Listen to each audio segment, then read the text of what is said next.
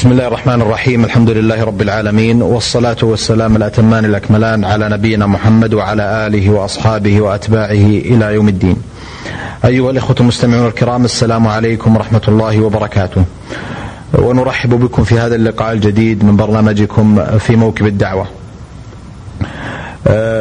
استضفنا وعبر لقاءين سابقين صاحب الفضيلة الشيخ الدكتور علي بن إبراهيم اليحيى مدير عام إدارة الدعوة والتعليم برابطة العالم الإسلامي. وتحدث فضيلته مشكورا عن العديد من الجوانب المهمة في حياته وفي إسهاماته وفي مشاركاته الدعوية والعلمية. دكتور علي الحقيقة قبل أن انتقل إلى جانب آخر لكم مشاركات خيرية واسعة ومتعددة. أحب أن أستمع إلى بعض هذه المشاركات التي تساهمون بها. هذه المساهمات بفضل الله كان من أوائل هذه المساهمات. المساهمة عندما كنت طالبا في كما ذكرت مكتبة ابن القيم الخيرية التي كنا نساهم فيها برئاسة الشيخ عبد الله بن سليمان الحميد والشيخ صالح البليهي رحمه الله. ثم بعد التخرج وبالتحديد في عام 1403 ساهمت مع إخواني برئاسة الشيخ صالح بن إبراهيم البليهي على إنشاء جماعة تحفيظ القرآن فكانت ابتدأت بحلقة واحدة وامتدت هذه الحلقات وتزايدت ونمت والمراكز الصيفية ومراكز في القصيم في القصيم ببريدة. والطالبات وغير ذلك إلى أن وصل عدد الحلق في المساجد إلى أكثر من 200 حلقة من فضل الله. وكنت أساهم في ذلك عضو مجلس إدارة في جماعة تحفيظ القرآن. بالإضافة أنني عضو في الجمعية العمومية لجمعية البر الخيرية.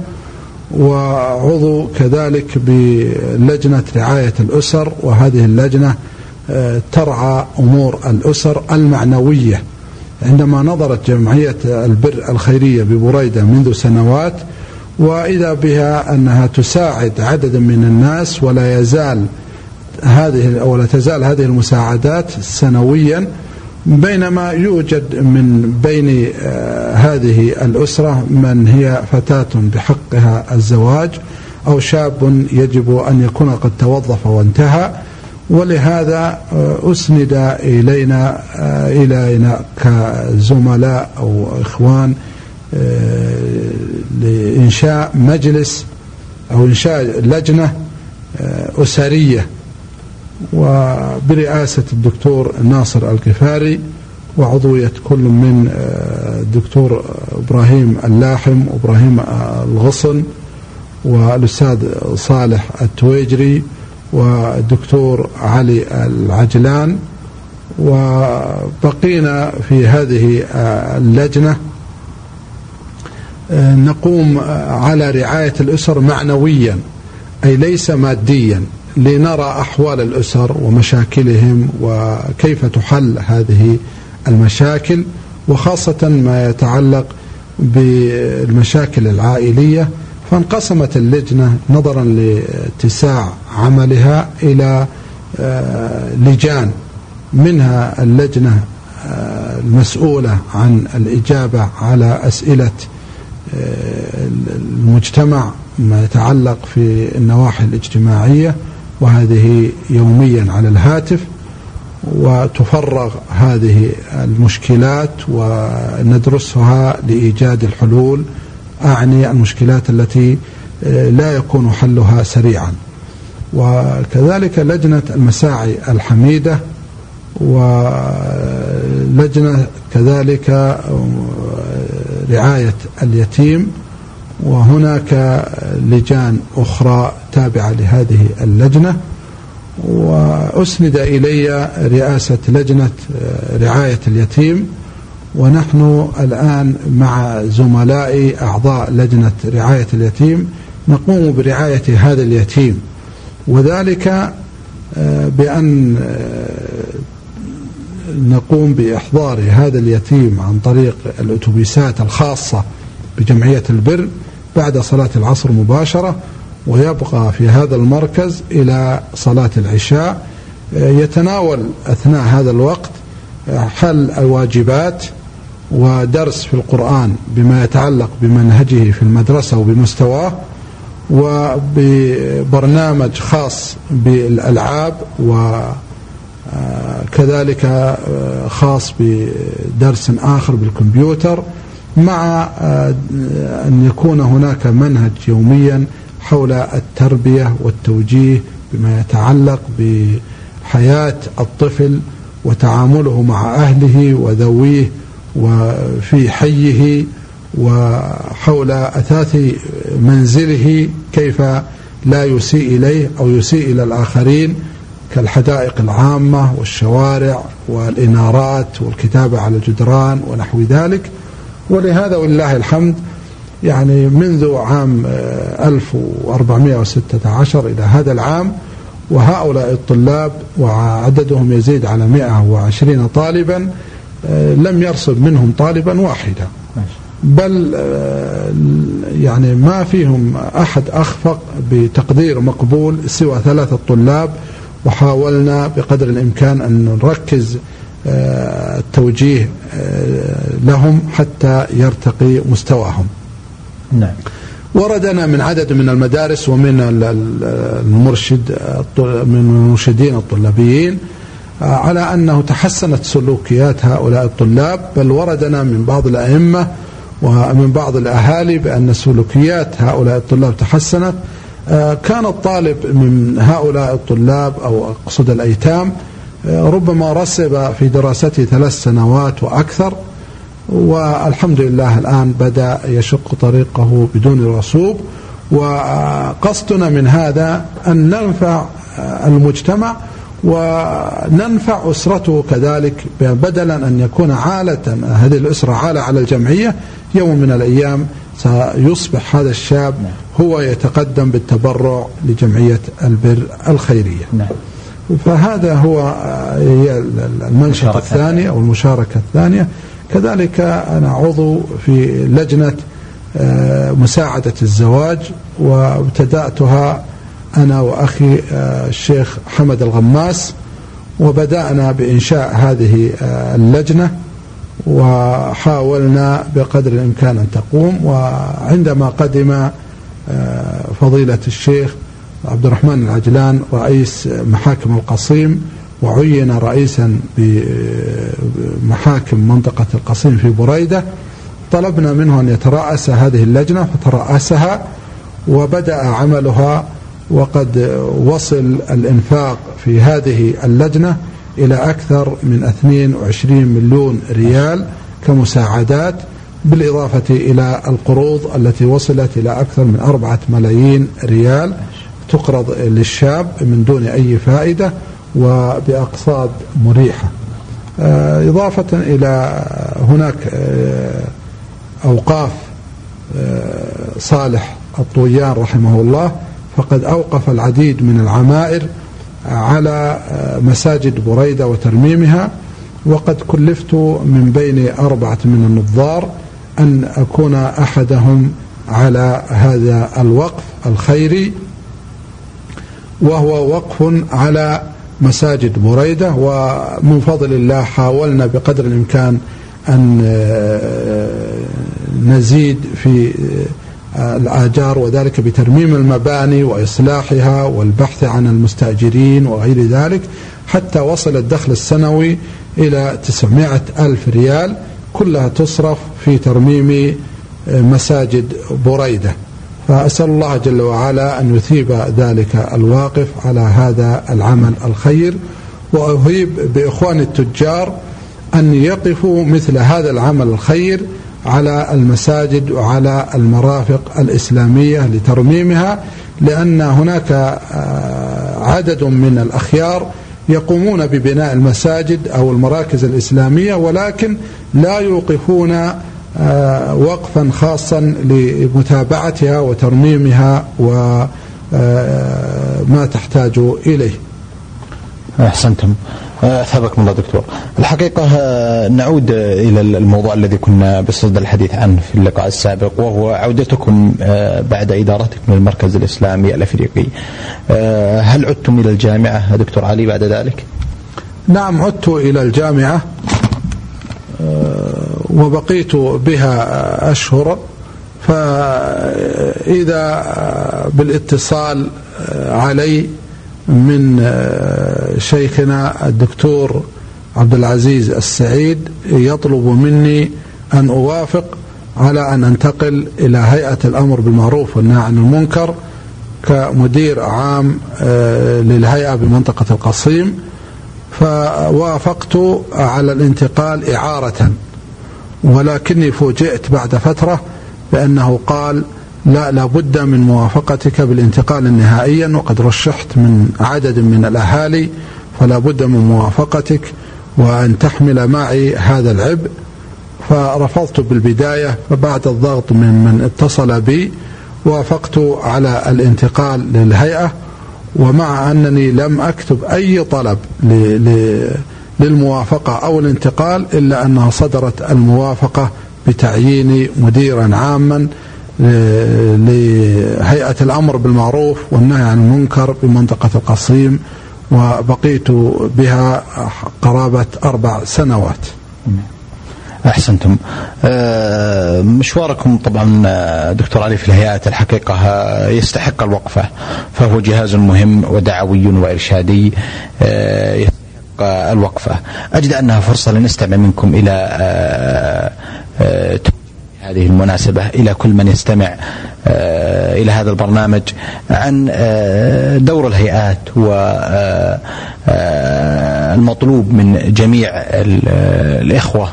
والأخوات في التعاون مع هذا الجهاز الذي يسعى إلى حفظ وصيانة سفينة الأمة من الغرق.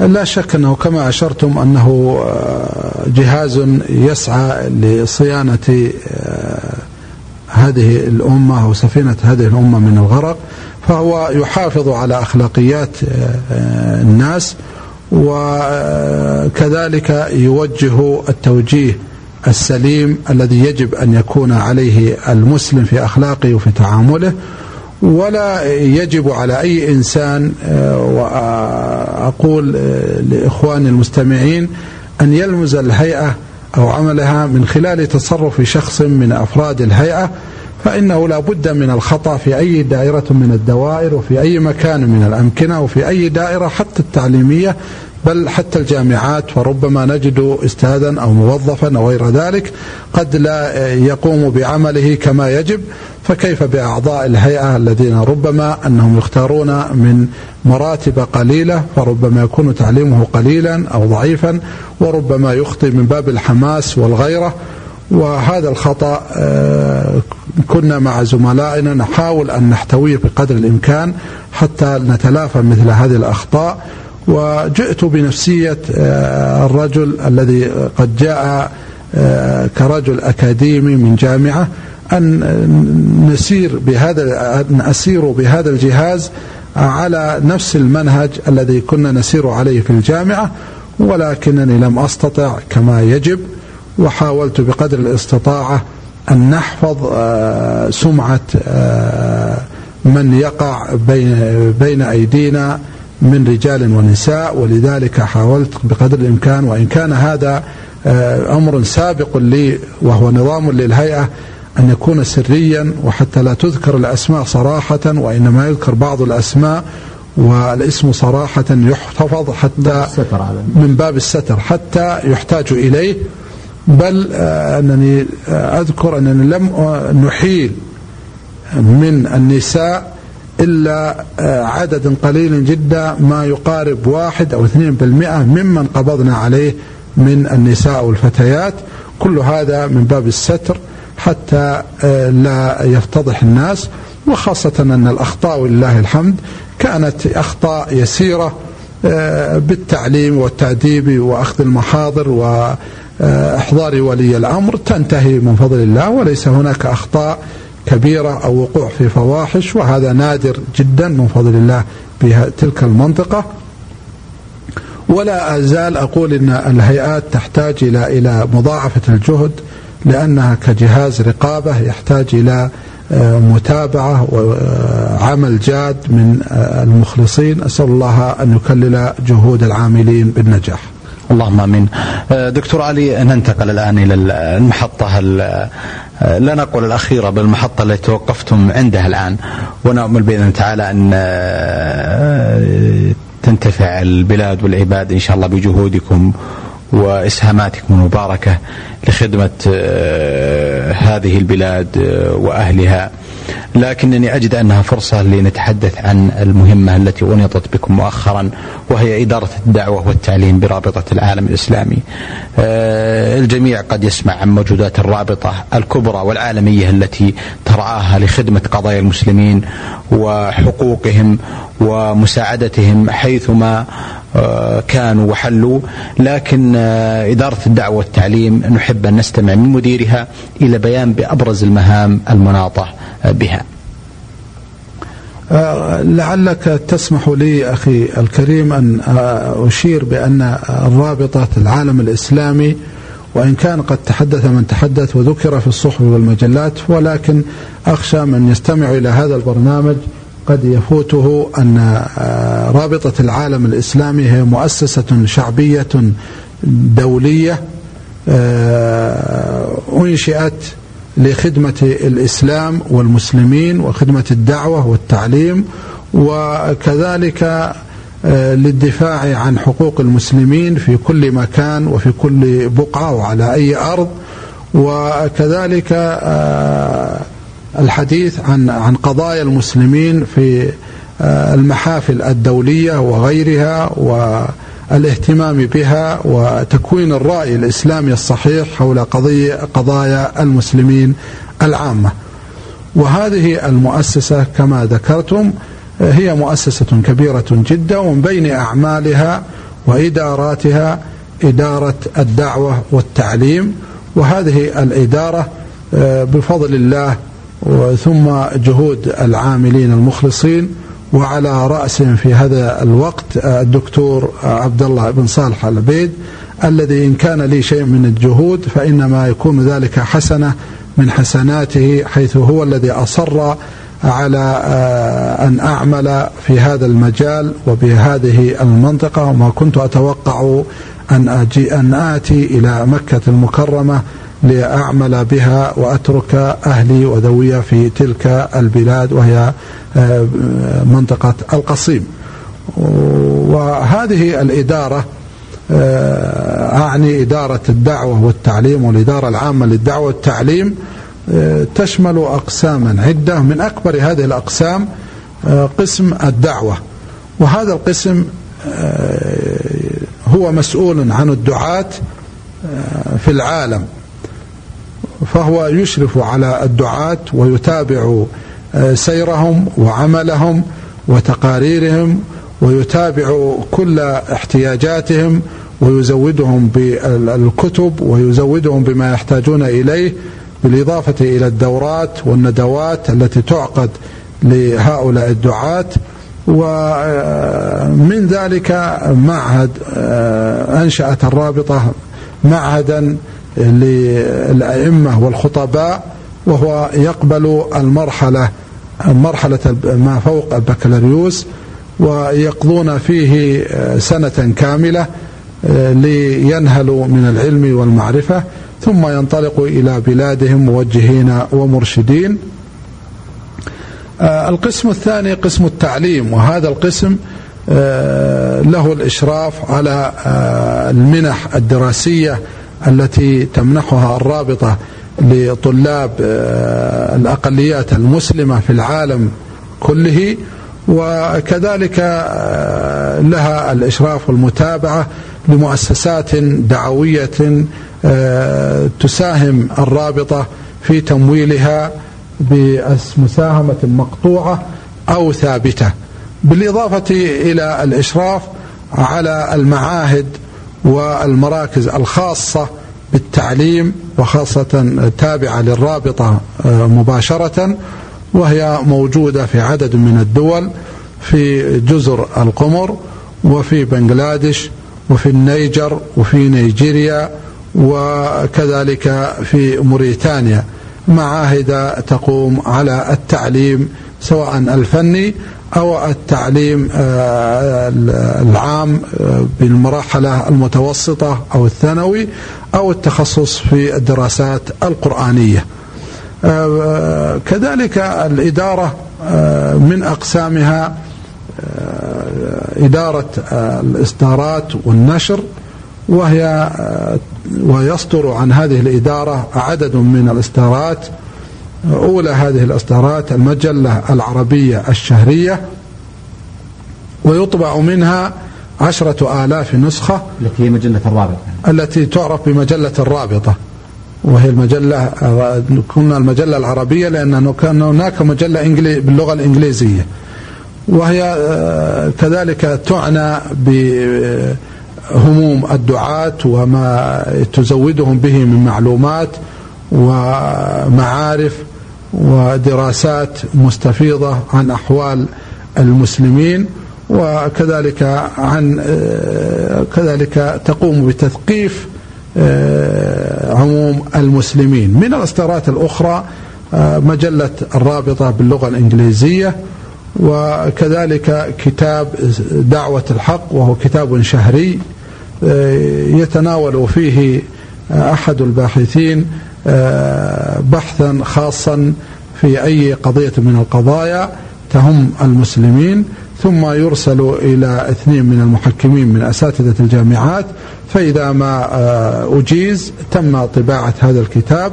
ويطبع منه شهريا أربعة آلاف نسخة. هذه الإصدارات بالإضافة إلى الكتيبات والبحوث التي يتم اختيارها وطباعتها تحت إشراف وإدارة آه، الإدارة العامة للتعليم والدعوة.